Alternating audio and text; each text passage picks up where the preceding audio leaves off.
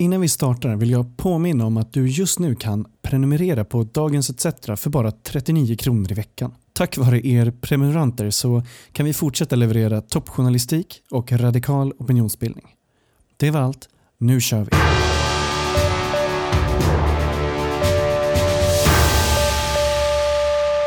Hej och varmt välkomna till Tyckpressen, Dagens ETCs ledarpodd där eh, vi på ledarsidan pratar, diskuterar, ställer frågor och kommer fram till vad som är rätt och fel och vad som är dumt och riktigt. Det gör vi eh, tillsammans med våra inbjudna gäster. Mitt namn är Max Karlsson. Jag är ledarskribent och poddens programledare. Med mig från ledarsidan idag har jag Ulrika Lindahl.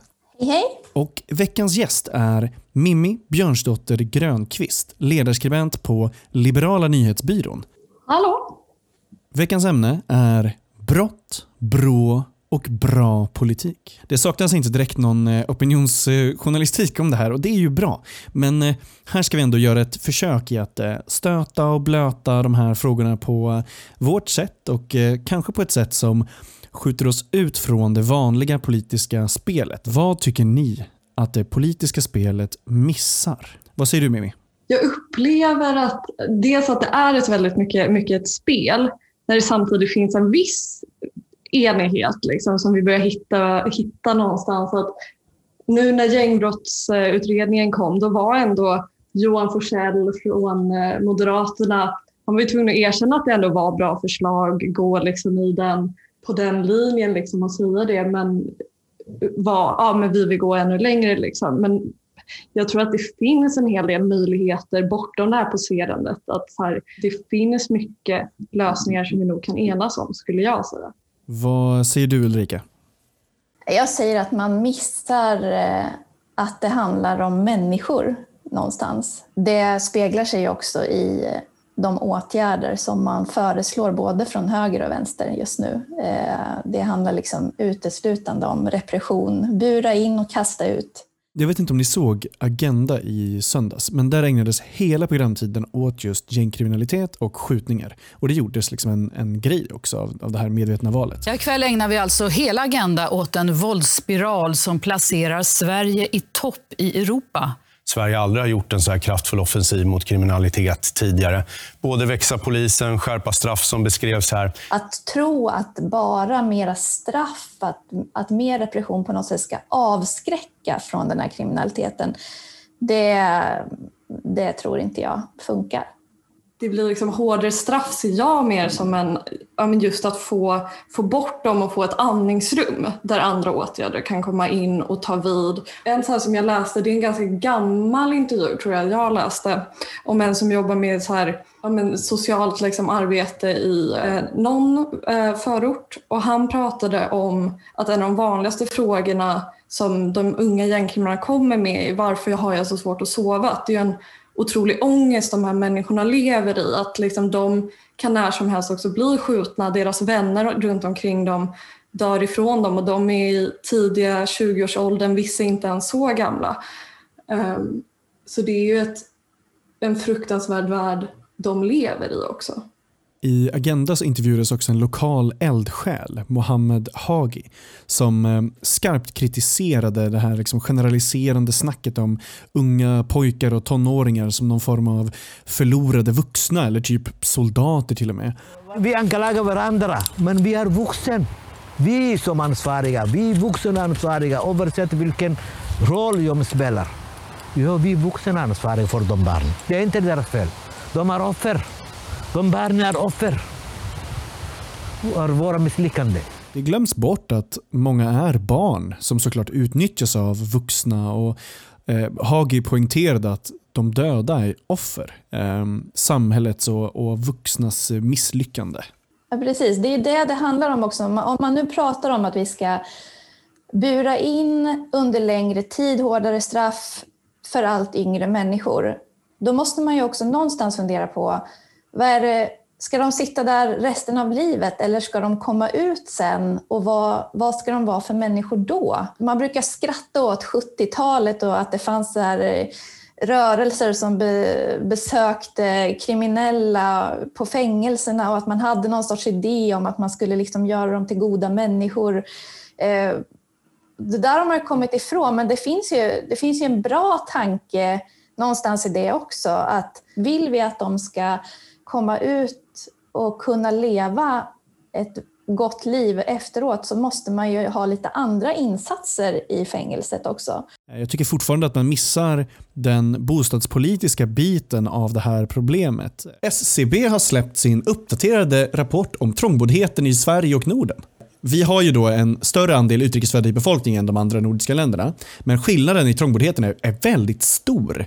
För inrikesfödda ligger andelen trångboddhet på 9 procent. För utrikesfödda är den 30 procent, En tredjedel av utrikesfödda bor trångt. Och om man bryter ner den gruppen på utrikesfödda ytterligare så är det alltså att de som är födda utanför EU bor i 36 procent, i den liksom, omfattningen, den utsträckningen, bor trångt. Uh, det, det, är så otroligt mycket människor. Uh, och de effekterna på barn, på vuxna, på äldre, på sjuka, eh, på folk som behöver vila efter jobbet men inte kan. Eh, den är ju enorm.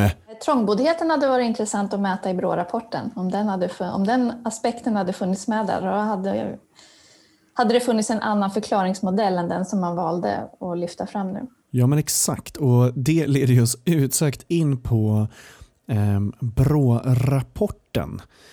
Brå har släppt en ny rapport om kriminalitet bland utrikes och inrikesfödda och det är i princip ett uppdrag som eh, de har tagit på sig lite själva. Eh, den senaste som de gjorde om samma ämne kom ju 2005. Regeringen var inte helt sugna på sån här rapport medan eh, oppositionen rakt av har krävt den. Ehm, vi ska prata lite om vad ni tycker om den och så, men rapporten visar ju ehm, att ursprung har en rätt liten effekt jämfört med andra faktorer eh, och det finns eh, ja, men en hel del skrivet eh, redan om den. Eh, jag tycker ju att eh, diskussionen om liksom huruvida rapporten ska, eh, eh eller borde ha publicerats eller något sånt där är, är rätt ointressant. Eh, framförallt nu när den redan är publicerad. Eh, däremot är det intressant att se hur den då används av de politiska partierna och jag tycker att det kan säga en hel del. Eh, Ja, eh, Brå dumpar en trave och liksom, eh, eh, eh, tabeller rakt på en. Eh, ja, man eh, eh, förklarar inte jättemycket övergripande grejer. Eh, och ja, det finns flera intressanta grejer i den här rapporten ändå, tycker jag. Jag tycker också att det är viktigt att säga att rapporten går igenom att eh, andelen som misstänks för brott har minskat under perioden 2007 till 2018. Det här är väldigt generellt, inrikes som eh, utrikesfödda. Eh, och för eh, utrikesfödda så minskade då andelen misstänkt för brott från 4,0 till 3,6 procent.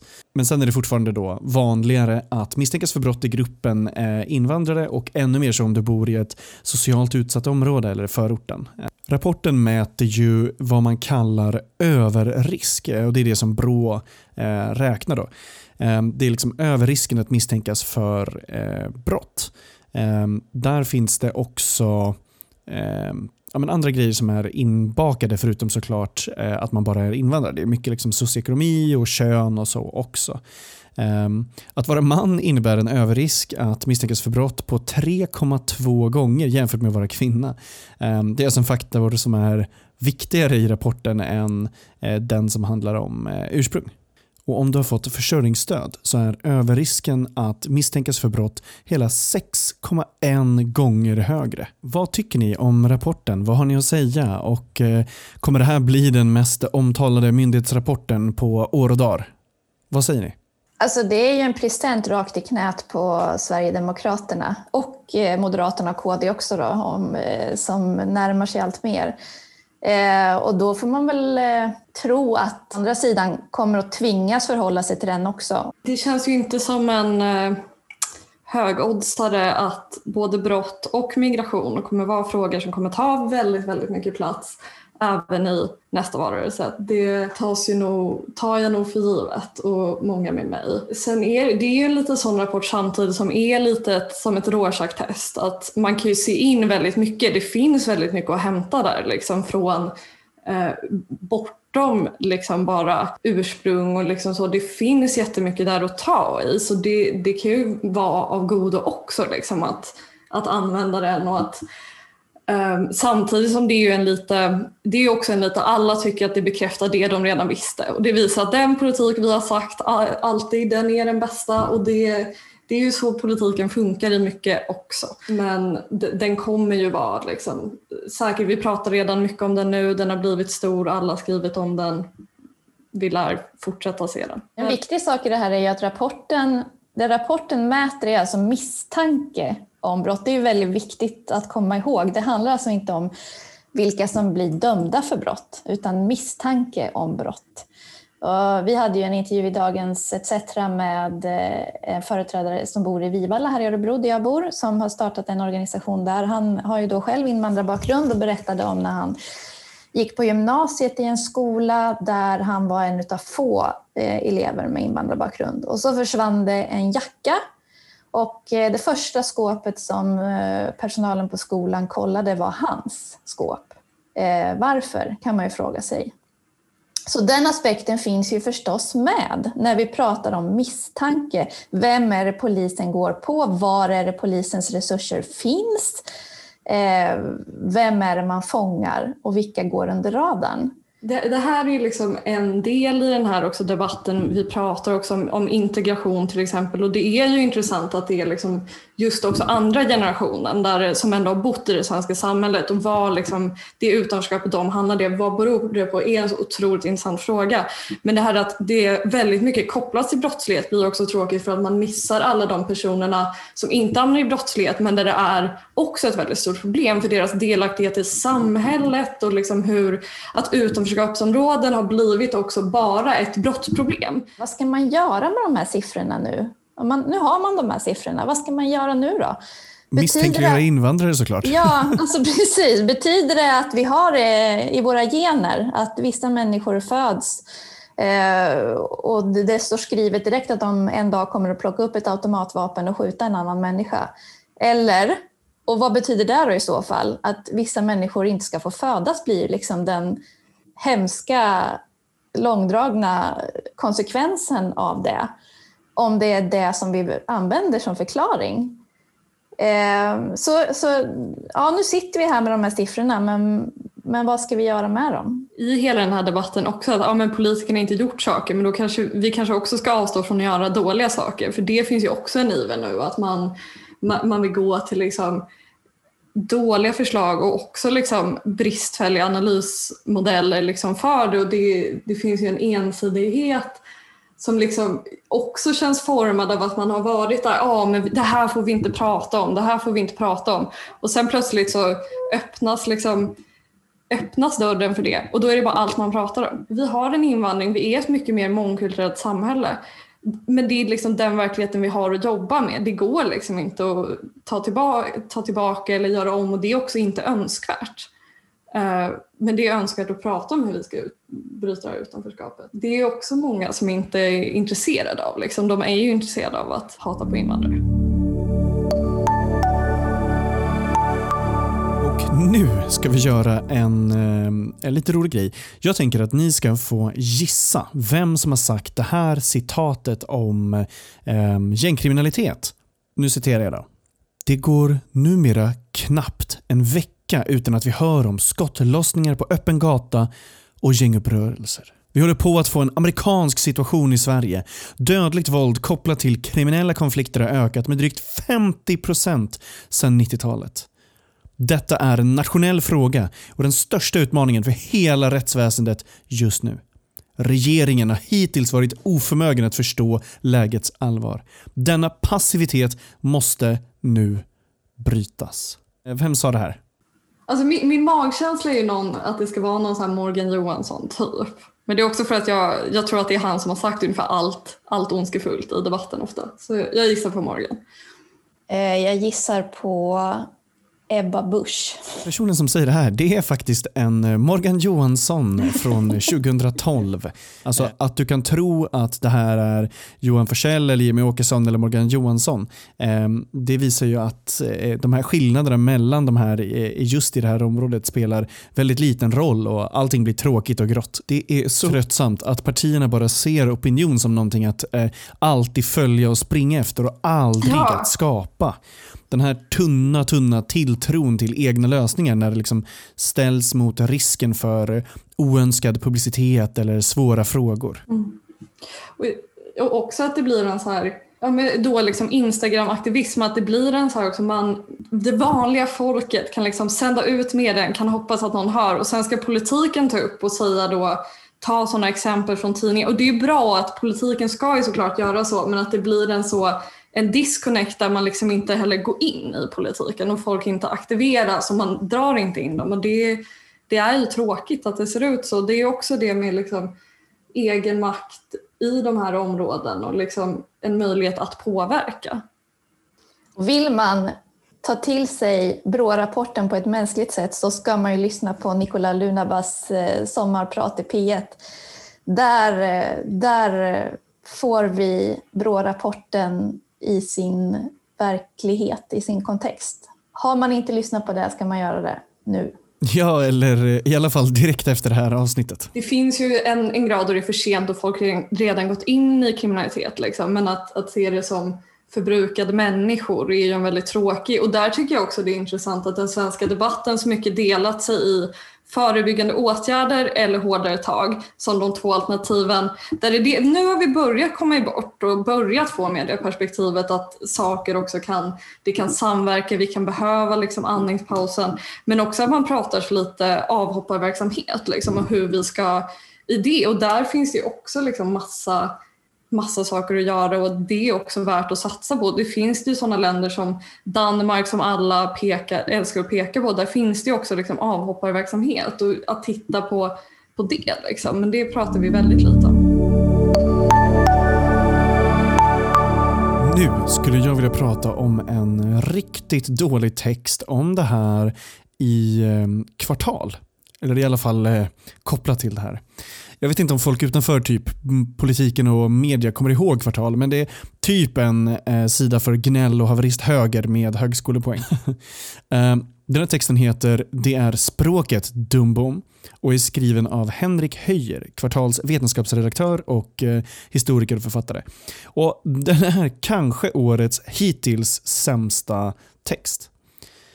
Jag eh, citerar det inledande stycket och så pratar vi lite om den sen. Citat. Häromåret satt dottern och jag på pendeln in till centrala Stockholm. Jag noterade att inget sällskap omkring oss talade svenska. Vi hörde arabiska, afrikanska språk och andra okända ord och meningar. Jag upplevde, ska jag erkänna, en motvillig olust. Är detta Sverige? Är detta mitt hemland? Notera att jag reagerade på språket och inget annat. Sin hudfärg och sitt ursprungsland kan ingen människa påverka. Men ett språk kan de allra flesta lära sig. Man verkar glömma att nästan alla andra människor på jorden pratar ett annat språk än svenska och eh, att det inte säger någonting om personens egenskaper annat än att den kan ett annat språk än svenska. Exakt. Det enda det betyder när någon pratar ett annat språk det är att den kan det språket. Eh, och att någon pratar ett språk betyder ju ingenting eller visar ingenting om den personen kan svenska eller inte. Det här är liksom en helt absurt misstänkliggörande och liksom att man är rädd för ord och eh, liksom, eh, farliga ord och uttryck. Eh, texten följer sen med liksom flera olika typer av jättekonstiga anekdoter där eh, e-, ett arabisktalande ungdomsgäng inte ses som landsmän och massa sånt där rent liksom, fjanteri. Det blir också så himla tydligt att eh, man kan klä den här typen av god gammal rasism i eh, någon form av vetenskapsskrud bara för att man skriver för den här typen av tidningar. Va- Att det liksom har gått så långt att man bara kan spy ut sånt här och, och sätta det i, liksom en, i, i text och få det publicerat någonstans är liksom sjukt. Det känns ju samtidigt också som en en liten genre just med den, den här känslan av att Sverige, det är inte som det brukade vara. Liksom. Det är smådjur i frysdisken, uh, det är Jimmy moments, det är liksom den, det, och också att det känns som att så här, den, den inledningen just, att det, det, finns 500 tweets som är så. Jag, jag satt på pendeln och folk pratade arabiska och det så här, jag, det, det, finns ju alltså, så här, såklart man kan, man kan känna saker och såklart man kan diskutera sina känslor men någonstans känns det som att det börjat bli en Många vill konstatera den och hur Sverige har förändrats men har också inte så mycket att säga om det som är intressant, som är nytt.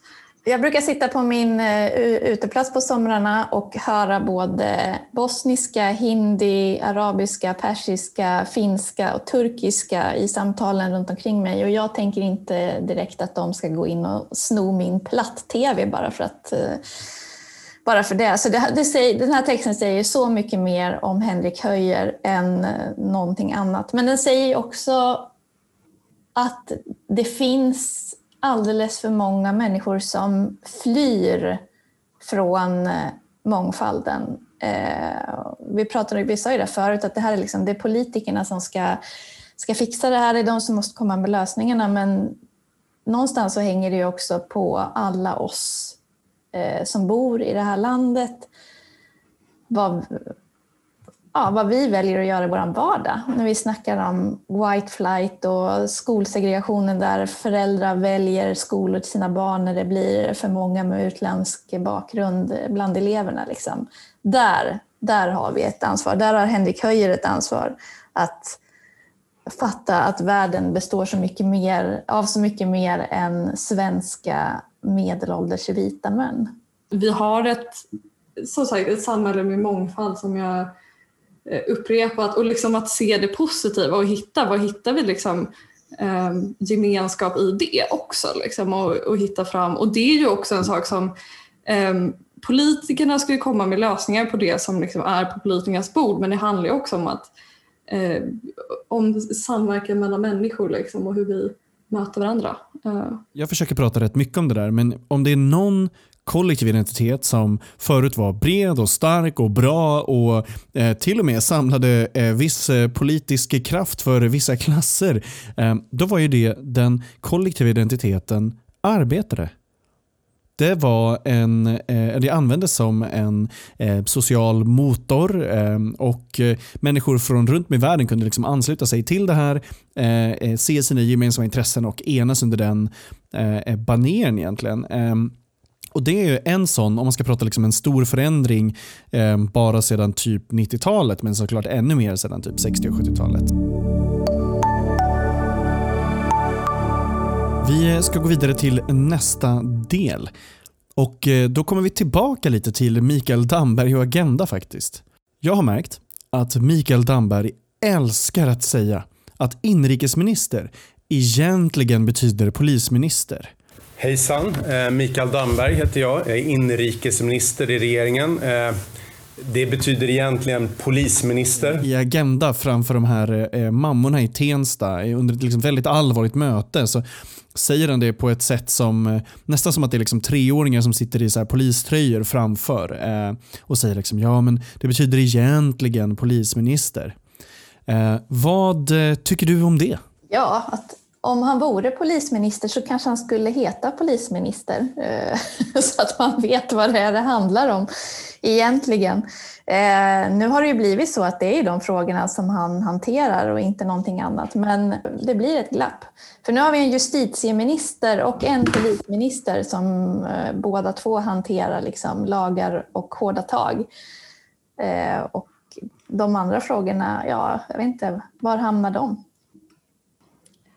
Jag eh, vet dels inte om jag håller med om att inrikesminister bara betyder polisminister, så jag är lite tveksam. Jag tycker att det blir liksom ett rätt larvigt typ eh, publikfrieri. Alltså han, eh, försöker koppla sig själv väldigt starkt till de här frågorna, profilera sig som liksom helt avgörande för polisens framtid och så vidare. Och Morgan Johansson försöker lite samma på, på sin kant.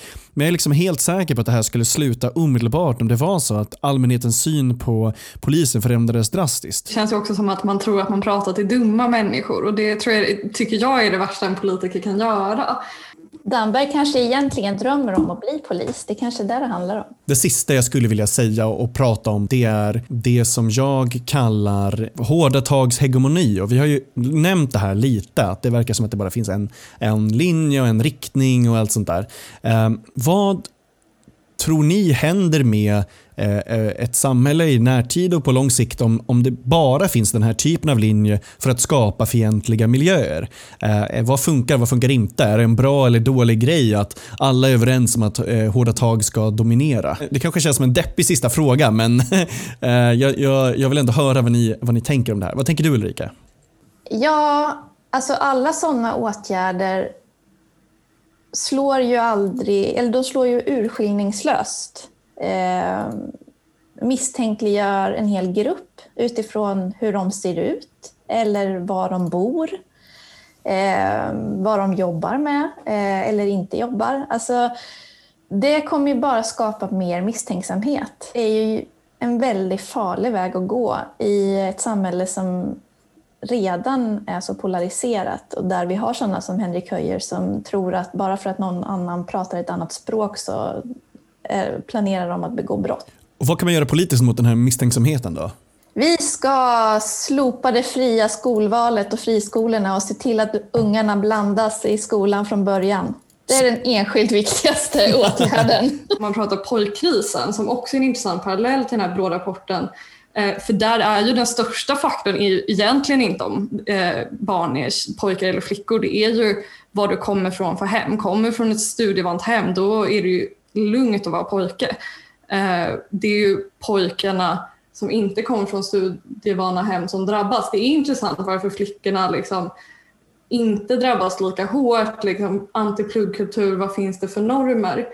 Eh, men det är ju också intressant att liksom, de som kom från studieovana hem klarar sig inte bra. Då är frågan, lär skolan eleverna bra? Eller är också skolan en plats där eleverna kommer och ska testas för vad de kan och vad de är för material när de redan kommer dit? Och det tror jag är en av de stora problemen i skolan. Om skoltwitter älskar att prata om den här produktionspedagogiken, att det är kom och skriv en text, liksom. kom och diskutera och analysera. Det är inte kom och och, och få kunskap i dina händer. Och det tror jag också är ett jättestort problem som man behöver lösa för att komma till bukt med kriminaliteten och för att kunna göra det på ett sätt så att samhället inte blir kallt. Liksom. En grej som jag tycker man glömmer bort med typ gängvåldet det är att ja, man pratar mycket om skjutvapen men med sprängningarna så finns det faktiskt några bra quick fixes. En sån är ju vart man får sprängmedel ifrån. Och det vanligaste sättet att få sprängmedel är att stjäla dem från byggnadsarbetsplatser. Eh, där har Byggnads, men även byggbranschen eh, förslag om hur man ska göra för att hantera sprängmedlen på ett annat sätt. Att till exempel göra att det är polisen som får tillståndsansvaret eh, och tillsyns, eh, att man ska ha tillståndsplikt för det eh, på ett annat sätt där det är polisen som administrerar det. Eh, det är faktiskt en sån quick fix som ser ut att slå undan benen för hur kriminella skaffar eh, sprängmedel. Det hade varit jätteintressant, men det finns inte en enda person som pratar om det på hög politisk nivå Eh, trots att det är liksom byggbranschen och Byggnads är, är eniga i att, att bland annat dra lans för det här. Då. Jag tycker att vi tillsammans här med våra olika grejer som jag har liksom sagt i princip formulerat ett bra politiskt program mot kriminalitet. Eh, eh, det gjorde vi bra. Um, och vi får ju hoppas att det finns de som väljer att, att uh, lyssna på våra kloka uh, stämmor. Um, nu kommer jag fråga om det finns någonting mer som ni skulle vilja eh, säga eller tipsa våra lyssnare om innan vi eh, slutar. Har du några, någonting avslutande som du vill säga eller tipsa om Mimmi?